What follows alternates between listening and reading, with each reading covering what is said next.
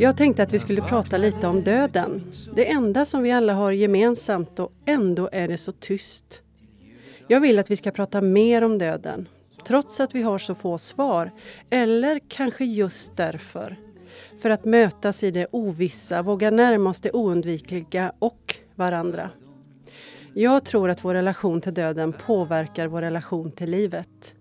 Det här är en podd om döden med mig, Anna-Karin Santonen Öjerskog. Tänk jag tycker att det låter som änglasång som sköra toner som dansar vid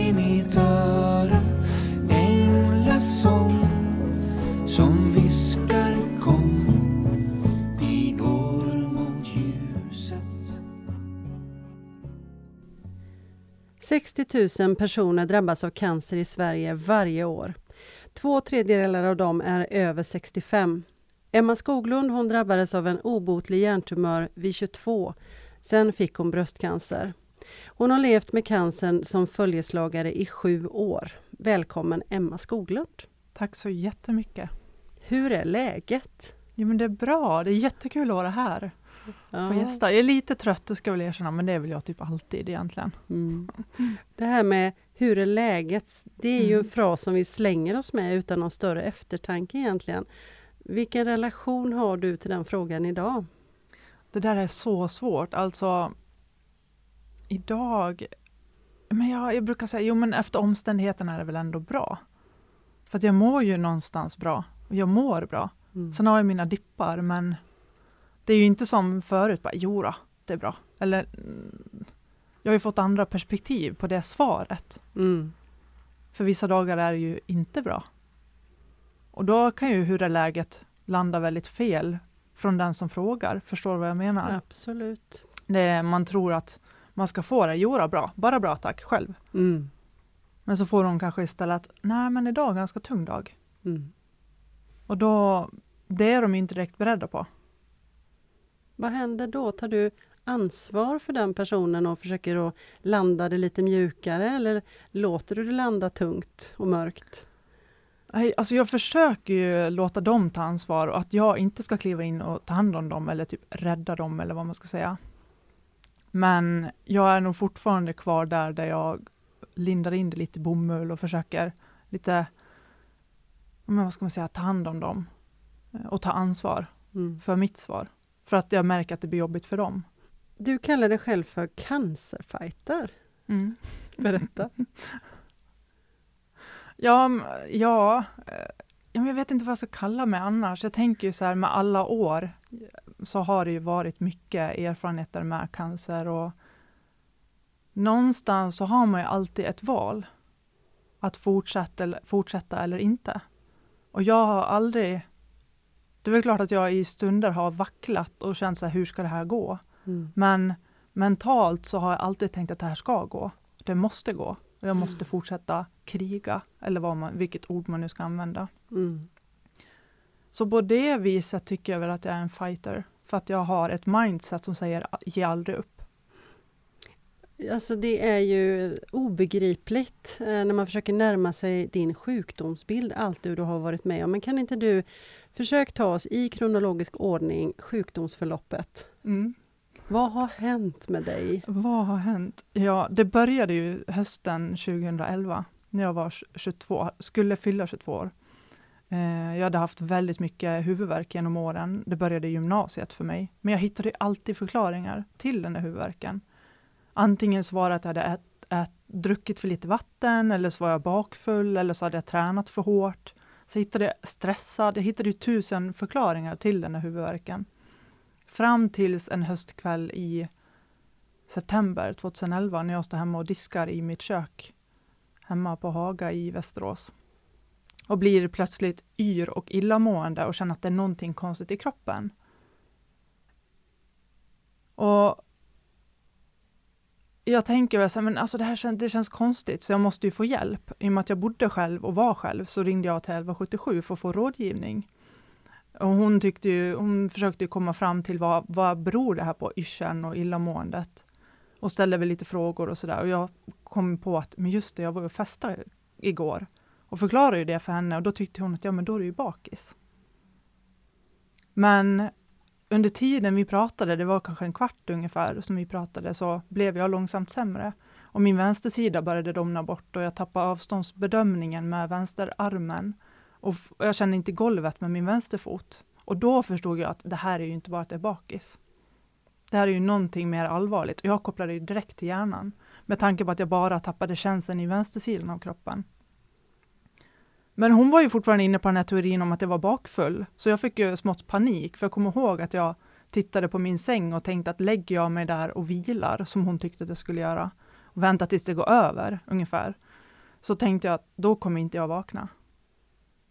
Och då, jag hade, fick ju världens panik då, så till slut skickade hon en taxi som körde mig till akuten. Och när jag kommer till akuten så får jag ett epilepsianfall och vaknar upp eh, i kalabalik med massa vårdpersonal och får göra röntgen på natten där och träffa läkare två dagar senare som berättar att de hittar en förändring på höger hjärnhalva.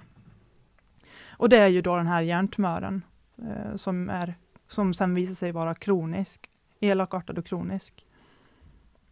Eh, så att jag opererades, jag gick väl två månader för jag, för, det första beskedet jag fick, det var att den sitter ytligt, den är rund och fin i kanterna och den ska opereras inom en till tre veckor. Och de där veckorna gick och de gick och gick, alltså dagarna bara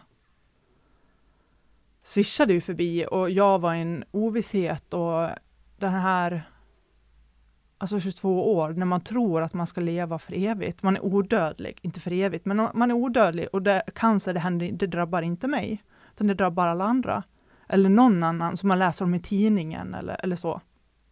Det var så jag tänkte. Eh, och mina erfarenheter av cancer, det var ju också att de jag hade känt som hade cancer, de dog.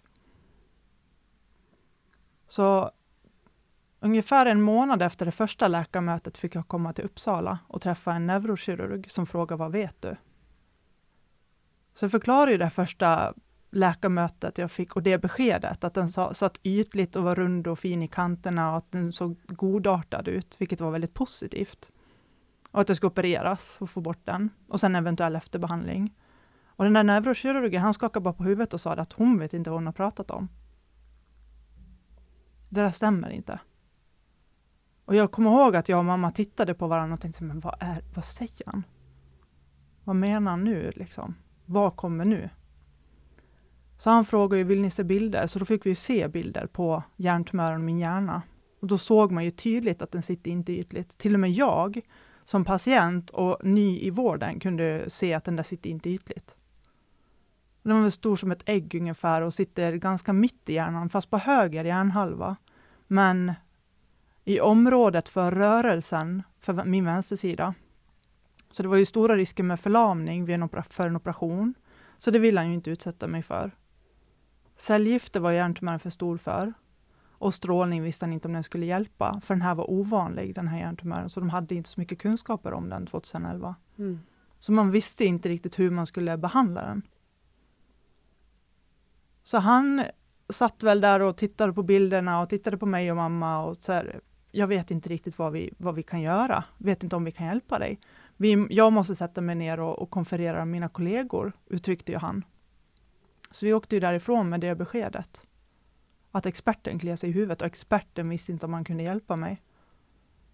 Och då blev det ju, alltså det var ju som, det är klart att första beskedet som ändå var hoppfullt var ju också brutalt och fruktansvärt att få cancer.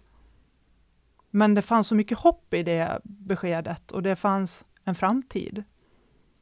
Men när det här beskedet från neurokirurgen kom så försvann ju framtiden. Och att åka hem med ett sånt besked och gå och vänta på att sjukvården ska höra av sig, det, det var otroligt tufft. Mm. Det gick två månader och jag och mamma ringde dagligen, nästan dagligen, på sjukvården för att försöka få svar. Mm. Vad, vad händer? Kommer ni fram till någonting? Vad blir det härnäst? Kan jag få hjälp? Ska jag opereras eller kommer jag dö? Det var jättemycket sådana tankar som jag hade är, nu, är mitt liv på väg att ta slut nu? Berätta mer om liksom själva sjukdomsförloppet. Vad hände sen? Och För det var ju inte slut med det, det var ju bara Nej. början, eller hur? Ja, det är ju bara början. Bara början. Precis. Mm. Ja, exakt. Och den där början är ju ganska brutal. Mm. Det var ju kastas in i en helt ny värld med just Ja. sjukvården. Ja. Och, eh, jag hade ju mycket problem med epilepsin på grund av hjärntumören, för det var hjärntumören som orsakade, triggade igång den där epilepsin. Så man försökte ju liksom hitta rätt medicindos och eh, jag hade ju den här huvudvärken, migrän ska jag väl snarare säga istället för huvudvärk, för att då förstår man nog inte vilken nivå det var på. Utan det var ju mer migrän. Och jag tror ju någonstans, jag har väl ställt den, den diagnosen på mig själv, att jag gick in i vägg, jag varit utbränd. Eftersom jag hade varit stressad innan med tanke på högskolelivet och plugg och jobb och studentliv och allt möjligt vad det var. Mm. Tusen bollar i luften och aldrig lite vila.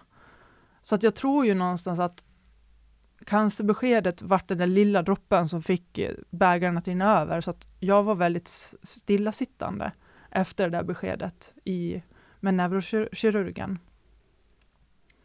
Men eh, ja, alltså Sen fick jag ju reda på att det skulle opereras, så att det blev ju operation där i december, 21 december la, la, lades jag in. Mm. Och man fick bort ungefär 50 procent av tumören. Och då fick jag en, liten, en påverkan på vänstersidan. Ingen förlamning, Nej. men det var mer att tappa känsel i, vänster, känseln i vänstersidan och jag kunde inte styra hand, vänsterhanden riktigt och jag fick lära mig att gå trappor igen, för det var Mm. väldigt svårt. Jag kunde inte riktigt bedöma vart jag hade foten i och med att jag inte kände den. Men du har ju fått två cancerbesked till efter Mm, det. Precis. Ja, vi kan väl snabbspola lite Mm. framåt. Eh, det var för hösten, nej sommaren 2017 som jag kom hem från Almedalen och kände, det var som att någon knackade mig på, på axeln och sa att Emma undersök dina bröst. Och då upptäckte jag en knöl i bröstet och sökte direkt vård. Och det visade sig att det var bröstcancer. Och hösten 2015 ringde min syster mig då hade hon sökt vård vid flera tillfällen, men blivit hemskickad, för hon hade, hon hade känt en knöl i bröstet, men vården förklarade som att nej men det här är, det beror på mensen, så det är ingen fara. Sen fick hon knölar i armhålan och då sa de, nej men det blir infektion, sluta raka dig under armarna. Men sen gick tiden och hon, den där knölarna försvann inte och när till slut hennes knöl i bröstet var stor som en pingisboll så slog hon näven i bordet och sa, nu, nu får ni ta ett prov på det här. Och då visade det sig att det var bröstcancer. Så med tanke på min systers bröstcancer, när jag kände knölen i bröstet så kände jag att jag måste söka direkt Mm. vård. Någonstans har jag hört att du har döpt dina tumörer. Jag har Mm. hört namnet Märta och jag har Mm. hört namnet Mårten. Ja. Var kommer namnen ifrån?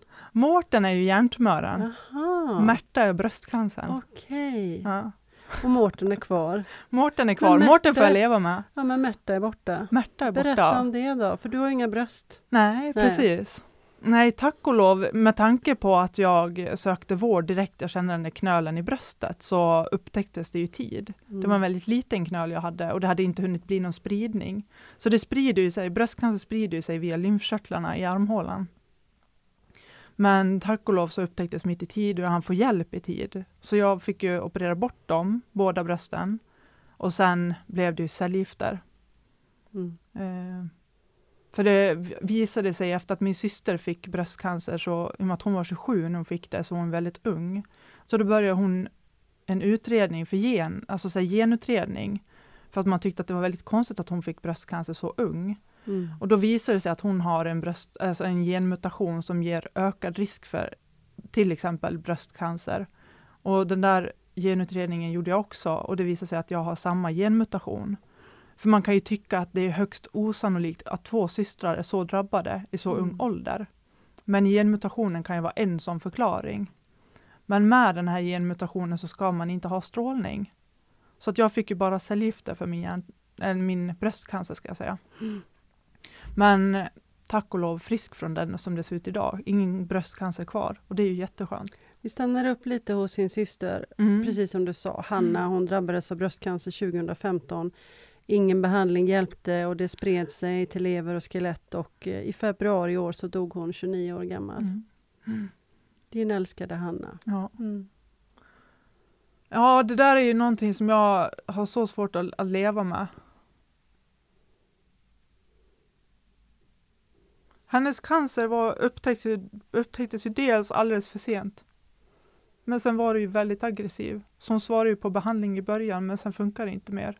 Så hon fick lov att byta cellgifter för att det funkar i början, men det slutade fungera. Och det spred sig, så hon hade ju i lever, skelett och lunga. Och till slut var det ju överallt. Och jag kommer ihåg när vi satt på sjukhuset och hon låg där i sängen och vi visste att hon skulle dö. Och jag, den enda tanken jag hade och känslan, det var ju det här att det här är så fel. Det, det var bara fel, fel, fel. Hela min kropp, kropp skrek att det var fel. För att i sju år har familjen och alla runt omkring mig gått runt och oroat sig för att jag skulle dö. Och sen kommer Hanna och springer i kapp och förbi. Så det enda jag kunde tänka, är det någon som ska ligga där så är det jag. Det är ju också fel. Men jag hade ju levt med cancer så mycket längre liksom. Och min prognos såg ju dålig ut i början. Och det är det som är så svårt att fatta än idag, att hon inte lever. Mm. Saknar du henne mycket? Ja. Mm. Ja, det är en brutal, alltså det är en brutal verklighet. Vi kommer också in i den här tiden nu, jul, och när jag förstod att det här kommer inte gå. Mm. Så allt rörs liksom upp. Allt blir som färskt igen. Det är som att man upplever en gång till. Den tiden just nu menar Ja. du? Mm. För det var vid jul, vid jul som jag såg, när jag träffade henne på julafton, då, så, då var ju hennes lever väldigt förstorad på grund av att hon hade dåliga levervärden. Eh, på grund av cellgifterna och cancern då. Mm. Eh, och hon, så hon kunde inte sitta riktigt utan hon satt liksom bakåtlutad och för att det tryck så mycket. Det fanns liksom inte plats i buken. Och då förstod jag att när jag såg henne att oj, det här är inte bra. Och det här var ju december liksom. Och då förstod jag att nu, vi kommer inte ha kvar henne så länge för att jag vet att prognosen är inte alltid så himla bra med bröstcancer, spridd bröstcancer ska jag säga. Mm. När det upptäcks för sent och när hennes bröstcancer var så aggressiv. Mm. Och när hon slutade svara på, på cellgifter, det, det är inget bra tecken. Och när levern är så dålig, alltså det är kroppens reningsorgan, hur ska kroppen klara, klara det? Så jag förstod ju med all den kunskap jag har kring cancer och alltså också hur jag känner henne, jag vet hur hon ser ut och, och så. Hon, det syntes på henne att det här var inte bra. Och det var bara en känsla jag fick.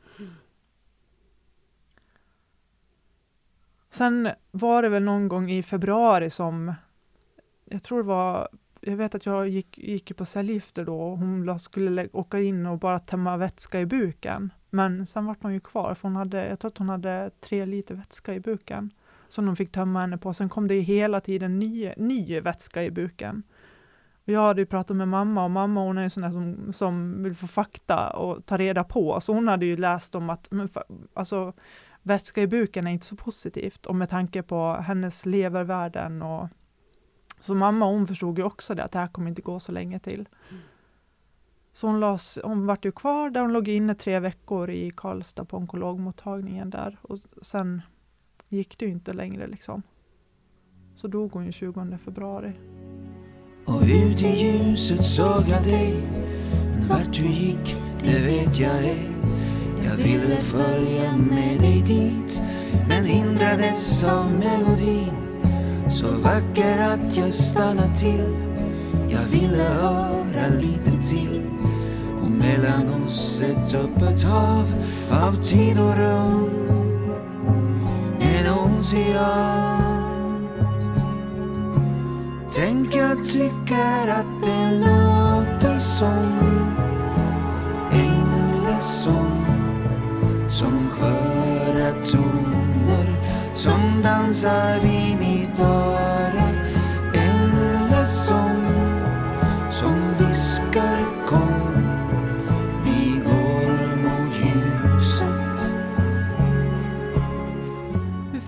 Samtalen eh, från det när man käm, fortfarande kämpar och när man till slut inser att det här inte går? Hur förändras samtalen två systrar emellan? Ja. Men jag var ju helt förstörd liksom.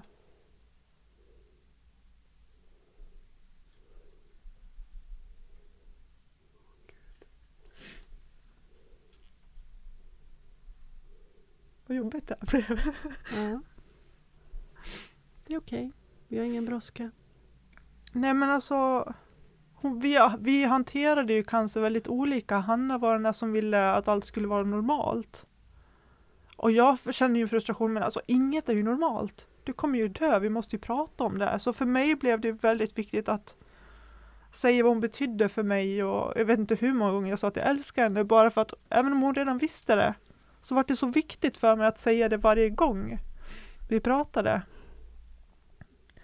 Och det var väl, jag vart ju mycket mer öppen att fråga så här, jag har alltid frågat hur hon har mått och hennes tankar har gått och så, men hon har inte velat prata om det, utan hon har varit så här, jo men det är bra. Och sen har vi bara fortsatt prata om annat, för att hon har inte velat prata om det, och då får jag respektera det. Även om det har varit svårt för mig, men jag får prata med någon annan om det då. Jag kan inte tvinga henne att eller hantera det på mitt sätt, hon måste få göra det på sitt sätt. Mm. Men just på sjukhuset där när hon låg inför döden så vart det ju mycket mer hennes rädsla och tankarna som gick och så ångesten hon hade.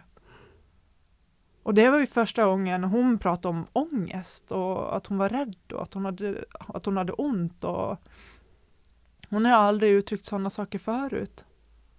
Så för mig var det ju det något nytt, men samtidigt var det skönt att höra henne säga det. Mm. Så det känns som att hon någon, någon gång på sjukhuset insåg där att okej, okay, nu kommer det inte gå mer.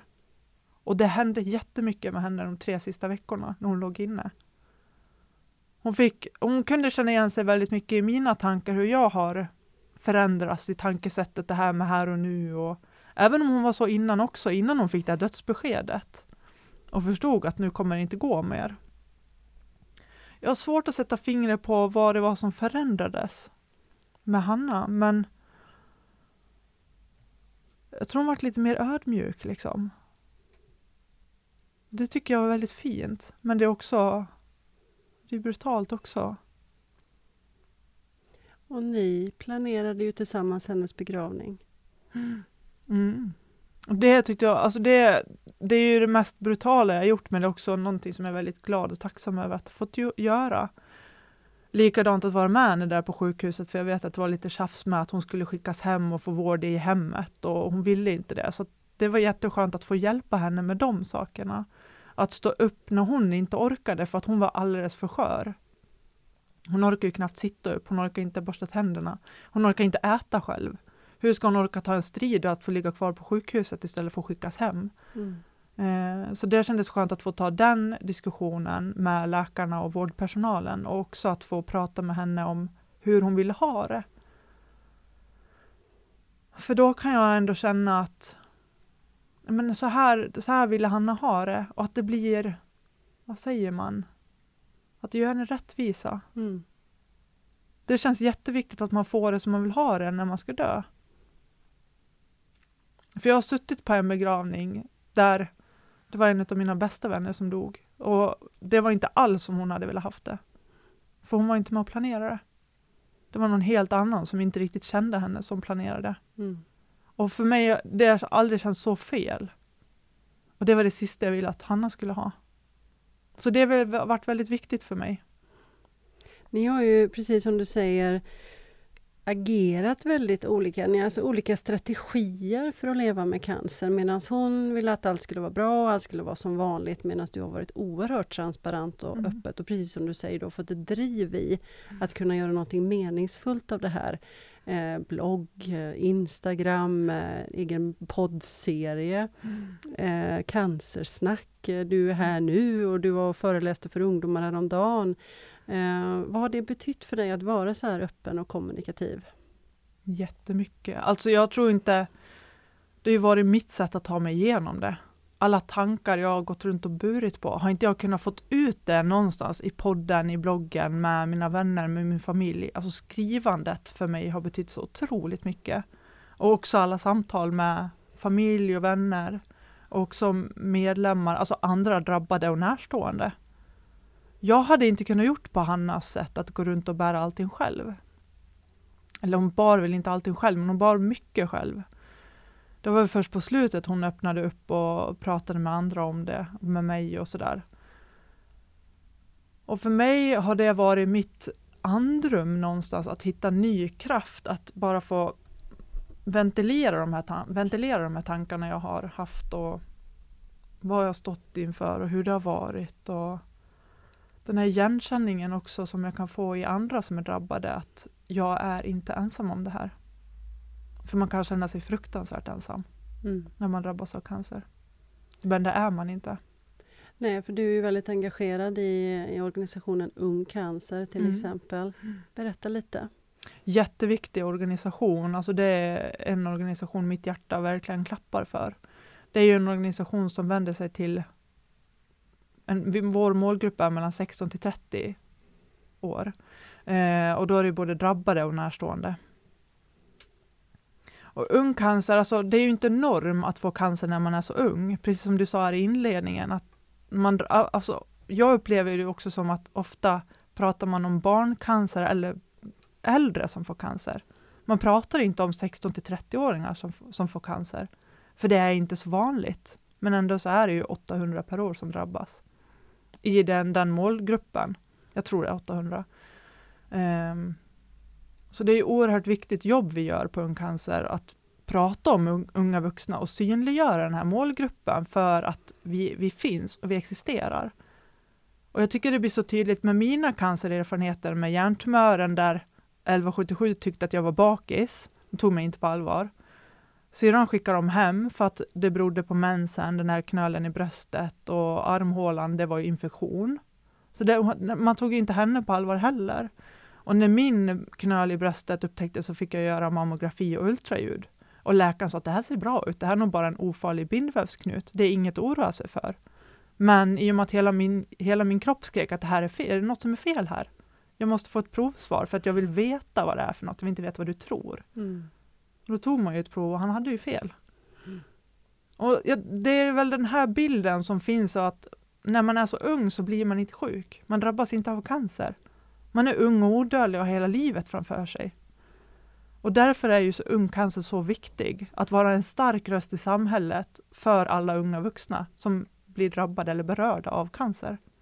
För jag kan ju se på det att du blir ju riktigt upprörd ja. när du pratar om det här. Jag blir alltså det, det blir det här att unga vuxna cancersjuka faller emellan vårdens ja. stolar ja. och det är där som du har ditt driv, Verkligen. ditt glöd i ögonen, eh, med den meningsfullheten och så. Mm. Vad kan man göra då? Om liksom sjukvården ska börja med någonting? Ja men det är ju för det första att ta, ta den som söker på allvar. För att det, jag blir så frustrerad och, åh oh, gud, helt så här, jag känner ju det i min röst också när jag pratar. liksom. Ja men för att det kostar liv. Det som är problemet är ju också att när en ung vuxen söker, det kan ju vara vem som helst egentligen, det behöver inte vara en ung vuxen. Man kan ha suttit hemma och verkligen bävat för att söka vård. Mm. Och när man väl gör det så möts man av en vårdpersonal som viftar lite, rycker lite på axlarna och viftar bort den. Och säger det är ingen fara. Och sen går man inte till botten med symptomen och problemen man söker för. Och det kan kosta liv, och det kostar liv, och det är det det inte får göra. Det, så det första sjukvården kan börja göra är att ta de som söker på allvar. Eh, gå till botten med vad det är för någonting och faktiskt hellre göra en undersökning för mycket än att anta och tro. För att när man antar och tror så kan det gå fruktansvärt fel. Om man som patient upplever att sjukvården avfärdar en eller marginaliserar, förminskar och så vidare, hur ska man göra då? Jag brukar ju alltid säga stå på er. Kräv ett svar. Alltså åk aldrig hem utan att ha fått ett svar. Jag vill ju aldrig höra vad, vad sjukvården tror. Jag vill veta vad de vet. Och vet de inte så får de ta reda på. Med röntgen, undersökning, blodprov, vad det än krävs. Hellre en undersökning för mycket än en för lite, för det kan upptäckas för sent om det är något. Så jag brukar säga det, åk aldrig hem med samma symptom utan svar. Mm. För det kan kosta liv. Och om det då blir, om det görs uppenbara fel ifrån sjukvården, vad säger de då? Ja, det där är lite komiskt, för jag tänker jag tillbaks på hur det har varit med min hjärntumör, det felbeskedet som jag fick, så tog jag upp det med, med läkaren och läkarens chef, verksamhetschefen, och han sa ju det att nej, men ni har ju uppfattat fel. Ni har ju varit i chock, så ni har inte tagit in vad hon har sagt. Och jag och mamma kunde alltså gå ifrån det där läkarmötet och av, avsluta varandras meningar. Så då, visst, jag förstår att vi var i chock. Det är man. Man hamnar där när man får ett sådant besked. Men hur kan vi avsluta varandras meningar? Om det är ord som aldrig har sagts. Hur kan man lägga det på patienten och dennes närstående? Det är som en käftsmäll att få när man sitter i den situationen. Så att det är ju, de tar ju inget ansvar alls. Tyvärr. De säger bara att det, där, det har inte hänt Mm. i princip. Sen finns det ju många fördomar och villfarelser Mm. kring det här med cancer bland oss alla Mm. ute i samhället. Vad tänker du kring det? Jo, men jag har ju mött mycket av dem själv. Vad möts Framförallt, du av då? ja men i början var det, alltså jag har ju känt mig som Morran i Mumintroll, eller Mumin, men gud vad heter det, Mumindalen? Mumindalen? Ja, exakt, Ja. du vet när han kommer och alla blir så, åh gud, där Just kommer det. Morran. Ja, precis. Så har jag känt mig, Ja. för jag vet första åren med hjärntumören så vet jag att jag mö- har mött folk på stan och de har gått över på andra sidan vägen för de har inte klarat av att möta mig. Mm. För att jag har, och då blir, blir det som att jag blir min sjukdom, jag är inte längre Emma utan jag är cancern personifierad. Och det, jag tror det, här, det är ju mycket, jättemycket rädsla, det är det här att jaha, när ska du dö? Man vet inte vad man ska säga, ska man säga någonting, vågar man fråga? Och om man vågar fråga, vad händer då? Mm. Börjar Emma gråta? Och ibland gör jag ju det för att det har varit jobbigt eller jag har varit i en period där jag har varit mycket skörare eller att de frågar en, en fråga som verkligen berör mig och drar upp mina känslor till ytan. Men då blir ofta reaktionen att oj, förlåt, nu gjorde jag dig ledsen.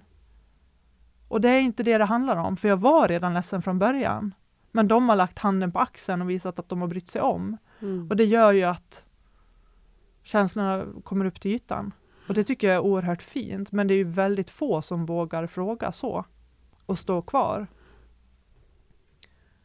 Men ofta har det ju varit det här att jaha, men antingen så tror man att jag är frisk från hjärntumören för att det ser bra ut. Eller så tror man att oj, nu håller jag på att dö. Det här mellantingen att leva med cancer, det verkar att folk har väldigt svårt att ta in. Mm. Att jag lever med min hjärntumör. För varje gång det har sett bra ut på MR så är det som att, aha, nu är Emma frisk. Vad skönt, grattis, du är cancerfri. Njut av sommaren eller njut av livet. Jag tänker att när människor säger så, så kanske det är för att landa i sig själv. För att det är för läskigt Mm. annars. Och att det är det det handlar om, att du gärna räddar människor när inte svaret blir Hur är läget? Att det inte blir Ja men det är bra, hur är det själv? Utan det Mm. blir något annat. Mm. Att det är liksom när sanningen bubblar upp, det är då det blir jobbigt på riktigt. Mm. Mm. Det tror jag det ligger jättemycket i. Mm. Verkligen.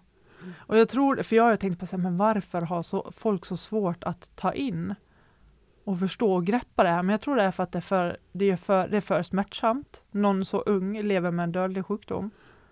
Men också, jag tror det påminner mycket om sin egen dödlighet också, om man är i samma ålder eller om man har barn i samma ålder som mig. Mm. Att det blir för svårt att närma sig då för att det, oj, tänk så händer det här min dotter eller Mm. tänk så händer det mig. Jag fattar ändå inte riktigt det du säger, du lever med en dödlig sjukdom. Vad betyder det då? Betyder, jag vet också att jag ska dö. Mm. Så jag menar, och Niklas, producent Niklas, han ska också dö. alltså vi ska alla dö. Så det, jag fattar den grejen, men när Ja. jag inte fattar det, så att du lever med en dödlig sjukdom, betyder det att du vet när du ska dö? Eller liksom, finns det någon prognos? Eller tänker du inte så? Eller liksom, jag fattar Äh, inte. nej, nej, det, är- det är intressant, bra fråga verkligen. Nej, men jag tänker ju så här att jag vet ju att risken att jag dör tidigare är ju större för mig än någon som är frisk. Mm. Sen behöver inte det betyda att jag dör tidigare. Jag har ingen aning hur min prognos ser ut, för att där jag tänkt så här, men det, handlar, det är statistik. Det handlar bara om att vara på rätt sida om, om statistiken. Jag kan ha 5% chans, eller risk att dö, och resten att leva. Men har jag bara otur så är, hör jag till de där 5 procenten. Men jag kan ju lika gärna vara på den andra sidan. Så det är inte så viktigt för Nej. dig? Nej. Det är inte viktigt alls. Jag har ingen aning om hur min prognos ser ut.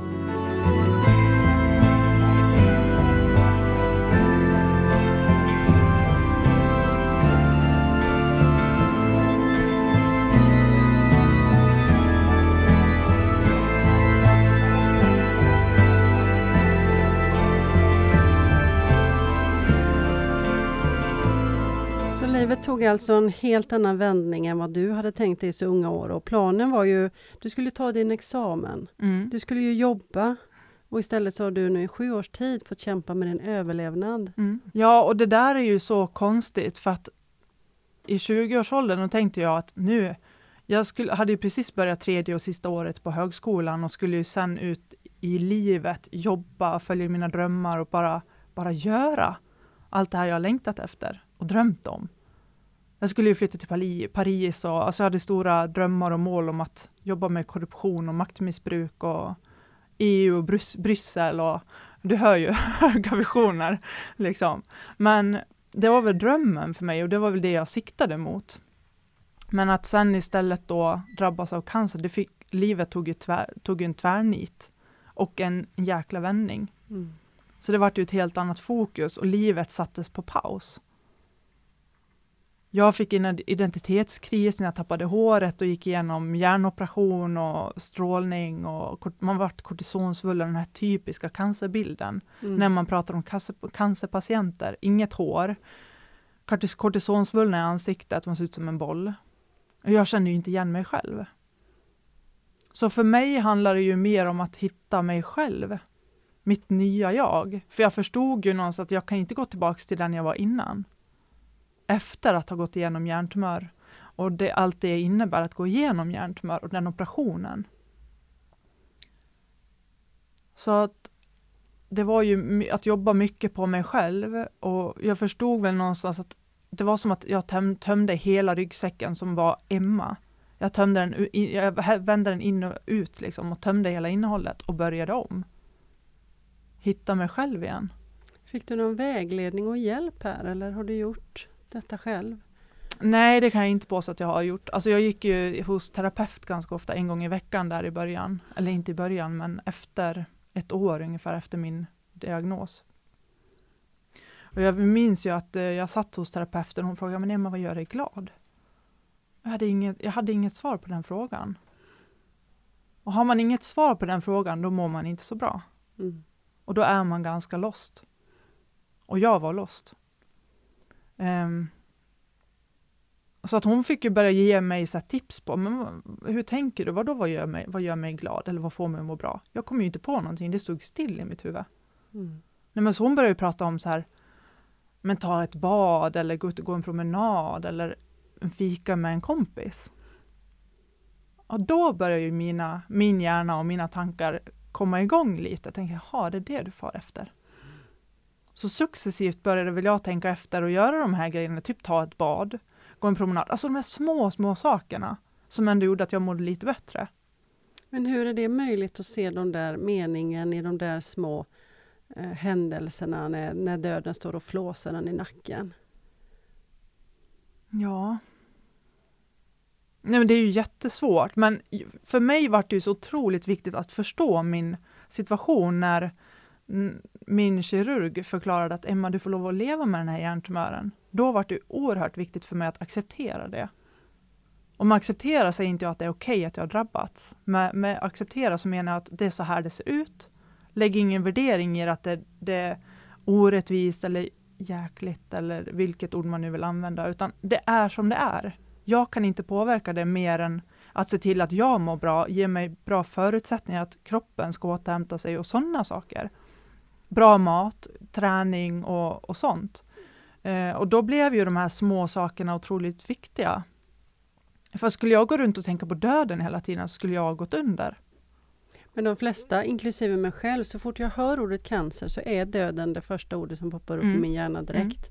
Det är min omedelbara tolkning om jag hör att någon har cancer. Då tänker jag, hon kommer att dö. Ja. ja. Och jag trodde ju att jag skulle dö. Alltså jag gick ju två månader där och var helt övertygad om, jag såg ingen framtid och jag kommer ihåg att jag hade ett samtal med min bästa vän.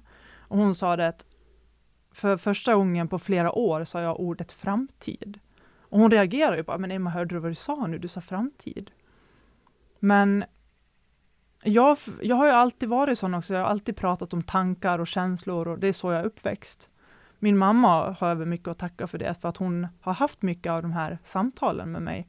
Hur tänker du, hur mår du? Hon ser ju på en gång på mig om jag mår dåligt eller att det är något som pågår och då hon vill ha pratat om det. Så hon har ju lärt mig att vara i också jobbiga situationer eller känslor och tankar. Mm. Så det har nog gjort att jag har kunnat hantera döden lite bättre. För att jag har varit, jag har varit lite mer rustad för det. Sen är det klart att det har varit skitjobbigt och jag vet inte hur jag ska förklara det, hur det har varit. För det är ju verkligen som att någon, alltså jag går runt med en tickande bomb i huvudet. Den kan när som helst explodera och då är mitt liv över.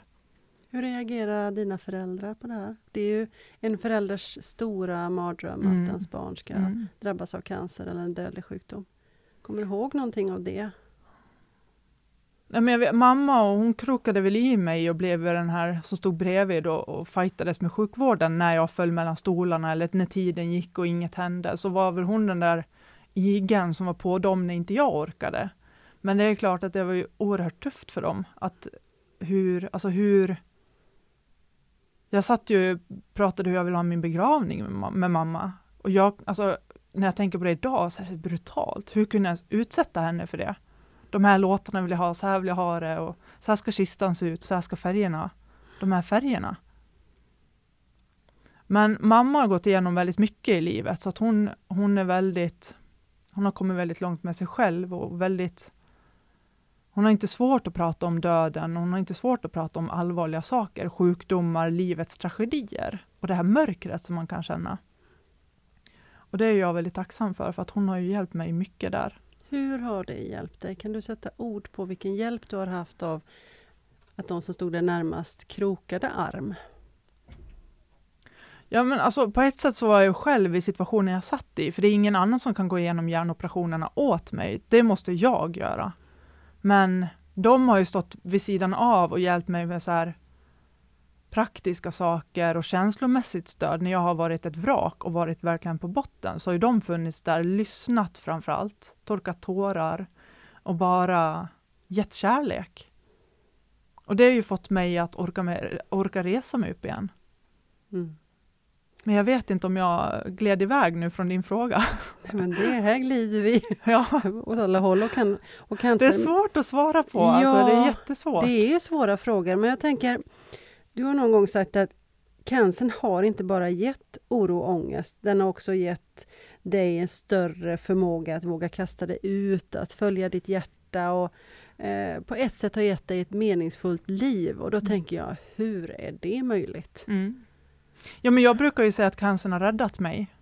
För att som jag levde innan, det var väldigt stressigt, ohälsosamt. Visst, jag tränade och åt bra, men alltså jag festade ju alldeles för mycket och jag tog det ju alldeles, jag tog det ju aldrig lugnt riktigt. Så på så vis har ju cancern fått mig att stanna upp och verkligen förstå att jag stressar inte idag. Inte mer än jag måste i alla fall. Ibland kanske jag blir lite stressad, men inte som för sju år sedan. Och jag tänker också att jag, är mycket bättre på att njuta av nuet också. Jag, kan vara, jag mår bra med mig själv. Jag behöver inte hela tiden hitta på någonting eller sysselsätta mig med något, utan jag kan njuta av att det bara är tyst och lugnt och de här små sakerna i livet.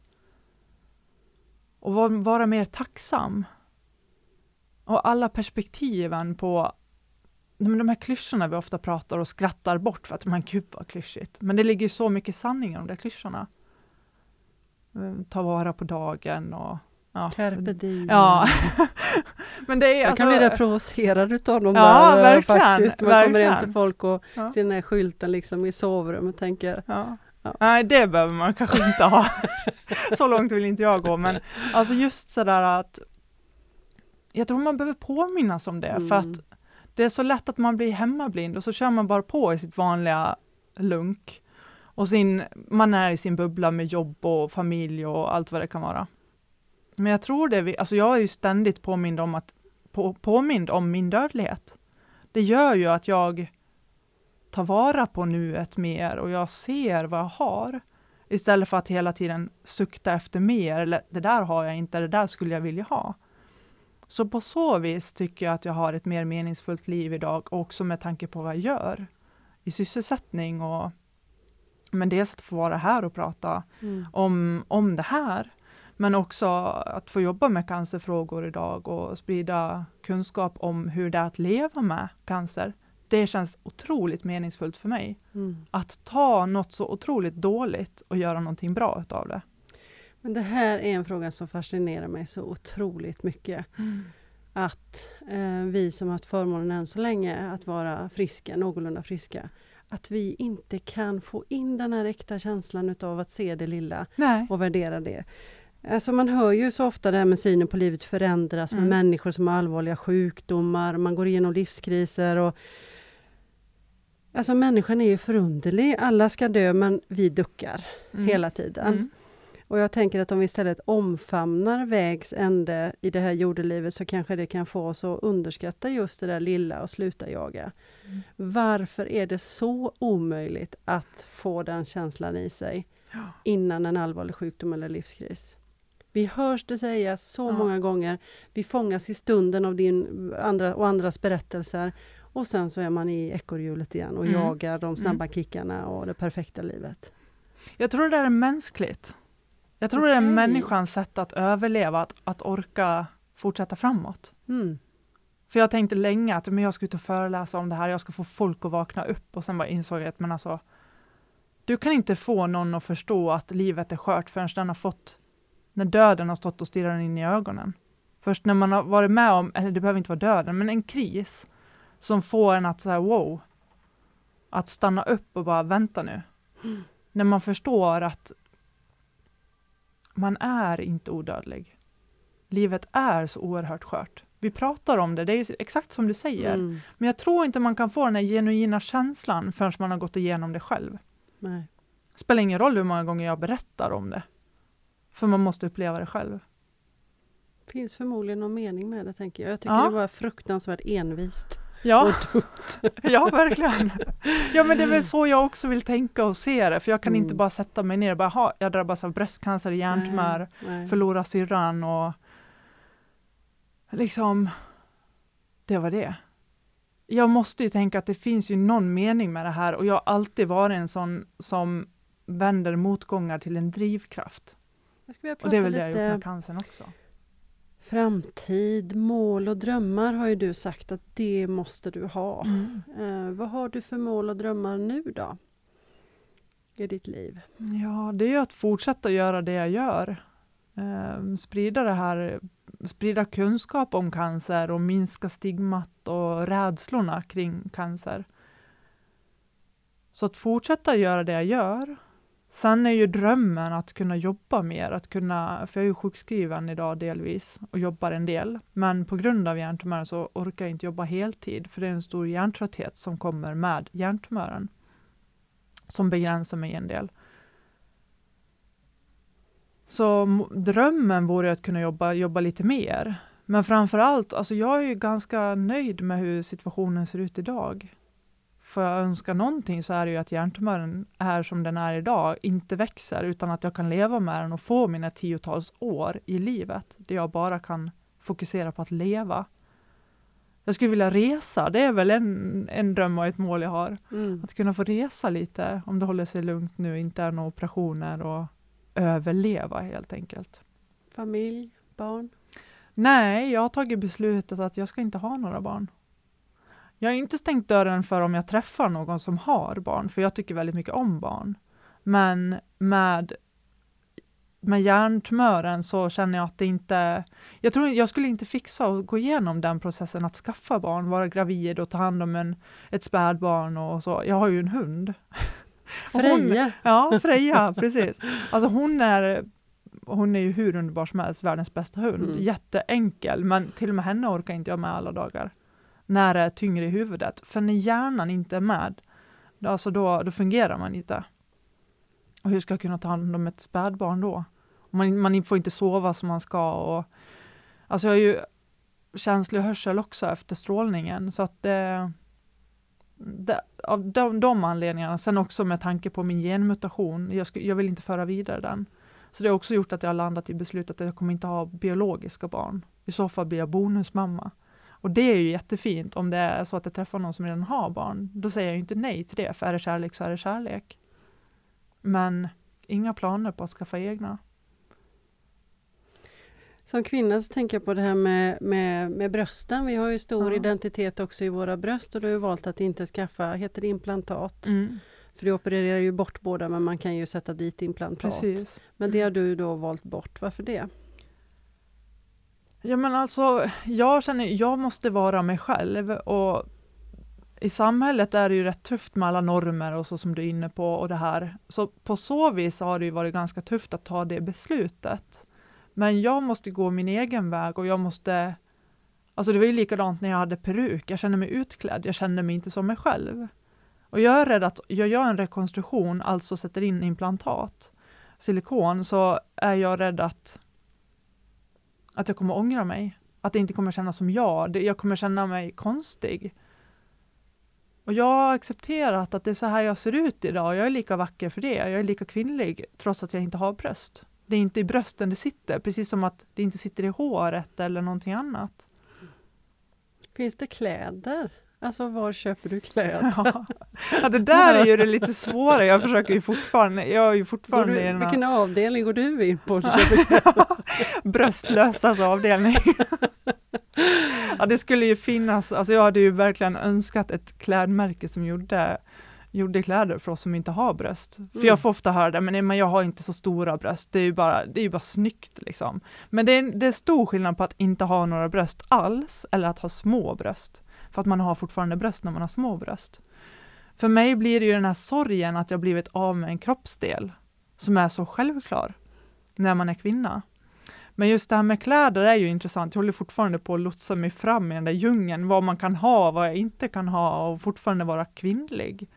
Uh, nu har det mest blivit så här tråkiga t-shirts för att jag tycker att det är svårt att hitta, eller någon blus. Men det är ju svårt med urringat för det funkar ju inte riktigt. Och, så det, det begränsar ju modet kan man väl säga. Men hur gör du om du är på en badstrand då till exempel? Har du bikiniöverdel eller inte? Mm. Eller hur gör du då? Nej, jag har bikini över det. Jag Mm. hittar på en, alltså jag har letat, letat med ljus och lykta eller vad man säger. Mm. det var extremt svårt att hitta någonting som kan se smickrande ut eller som passar och inte bara blir för att hitta en, alla är ju kupor, Mm. kupade liksom, Mm. så att det ser ju bara jättekonstigt ut om man inte har några bröst då. Så det har varit svårt, men jag hittade en som var lite virkad och bara, den var väl lite halterneck eller vad man säger. Just det. Eh, inte så, så den satt väl ändå okej, sen är den inte jätterolig, men det är ju bättre än att man kanske kan ha hitta någon baddräkt, men jag har inte hittat något än. Jag får nog leta lite mer med det där, men det är svårt, det är Du kanske ska jättesvårt. starta ett eget klädmärke? Ja, eller hur? Jag får kanske göra det, sätta mig ner och vara lite kreativ. Ja. Men det är ju det tråkiga, att väldigt mycket kläder går bort för att det sitter inte snyggt och det sitter inte bra och det blir, det ser bara stort ut eller konstigt. För att det är inte anpassat efter att man ska vara plattbystad liksom. Så det är, ja, det är, jag vet inte, det är inte lika roligt att shoppa kläder längre. Det är mer en utmaning. Ja. Mm.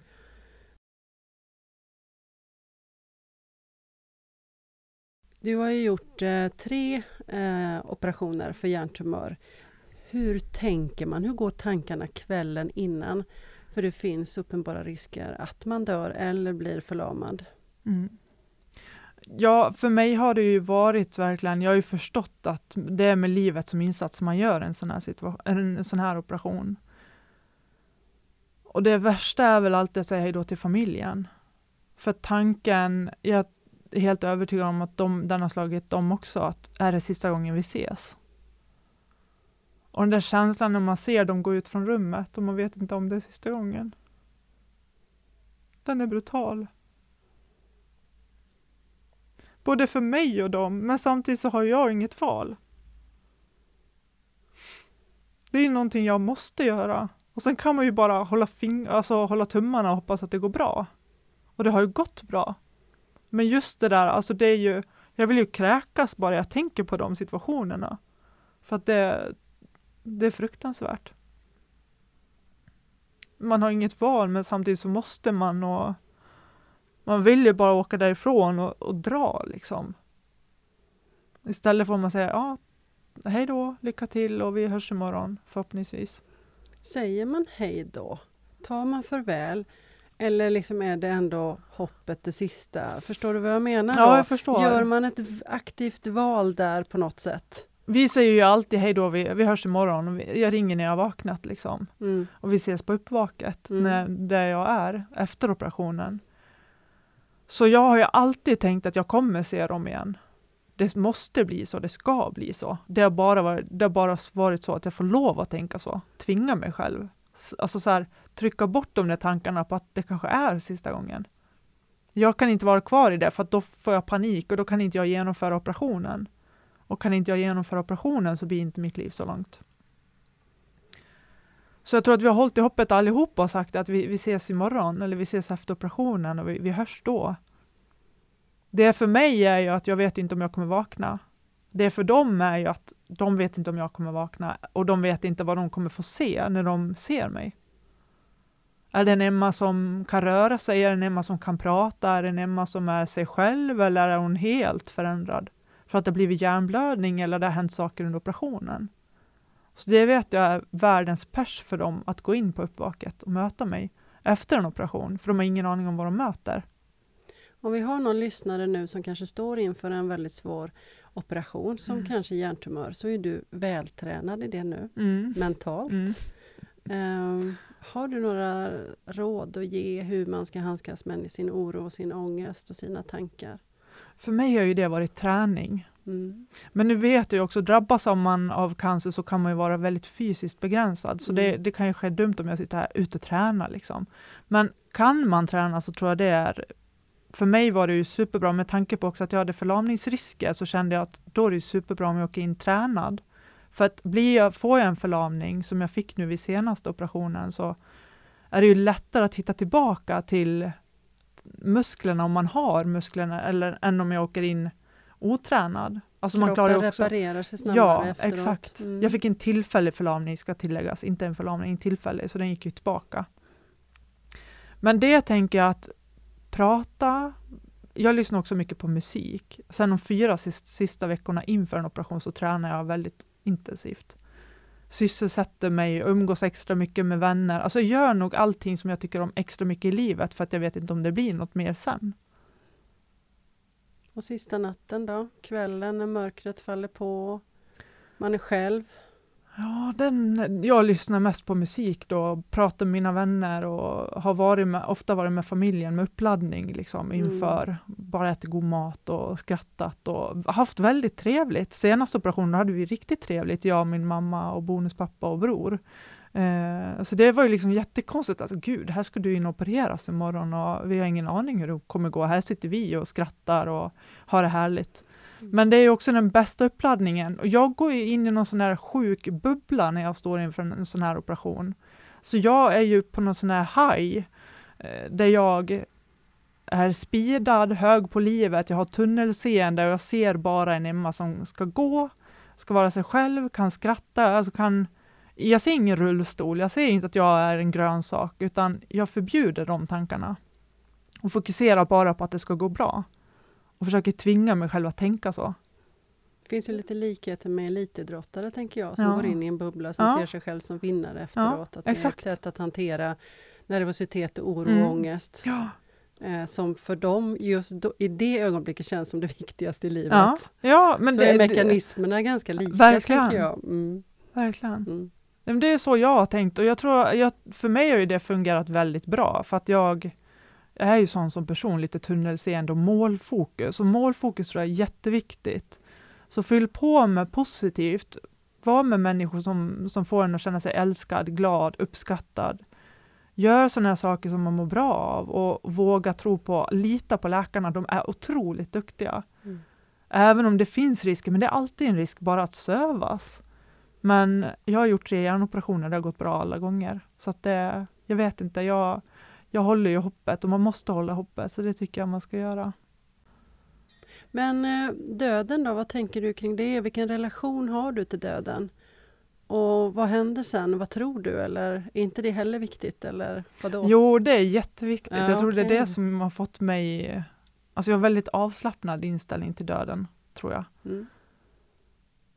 I och med att jag mötte döden så, som jag ser det så tidigt, där med hjärntumördiagnosen och de här två månaderna när jag trodde att jag skulle dö, så var det ju väldigt mycket tankar på döden och där gick jag igenom det mesta i mitt huvud. huvud. Um, jag vet inte, jag tror ju... Jag är, nog väldigt, jag är ju väldigt spirituell. Ja. Så att jag tror ju på ett liv efter det här. Sen hur det ser ut, det vet jag inte. Men jag tror på en fortsättning. Jag tror att vår, våran själ fortsätter. Jag vet att jag kommer träffa min syster igen. Jag vet att jag kommer träffa alla jag har förlorat. Och det är väl det som får mig att inte tycka att döden är så skrämmande. Vi ska alla dit. Förr eller senare. Vi vet bara inte när. Tack Emma för att du gästade en podd om döden. Tack så jättemycket. Hur har du det med döden? Kanske bär du på en stor sorg och saknad eller rädsla för det som väntar. Kanske är du nyfiken, likgiltig, stretar emot, längtar, skiter i vilket eller är trygg i förvissningen om att slutet gott, allting gott. Personligen tror jag att alla möts igen i någon slags evighet. Jag ser fram emot att träffa pappa, mormor, tant Vera och alla jakthundarna. Att vara organdonator är självklart i ett supersmart kretslopp. Men jag är lite rädd för kremeringen och jag vill ha en präst som omsorgsfullt tar reda på vem jag var i jordelivet och håller ett fint tal.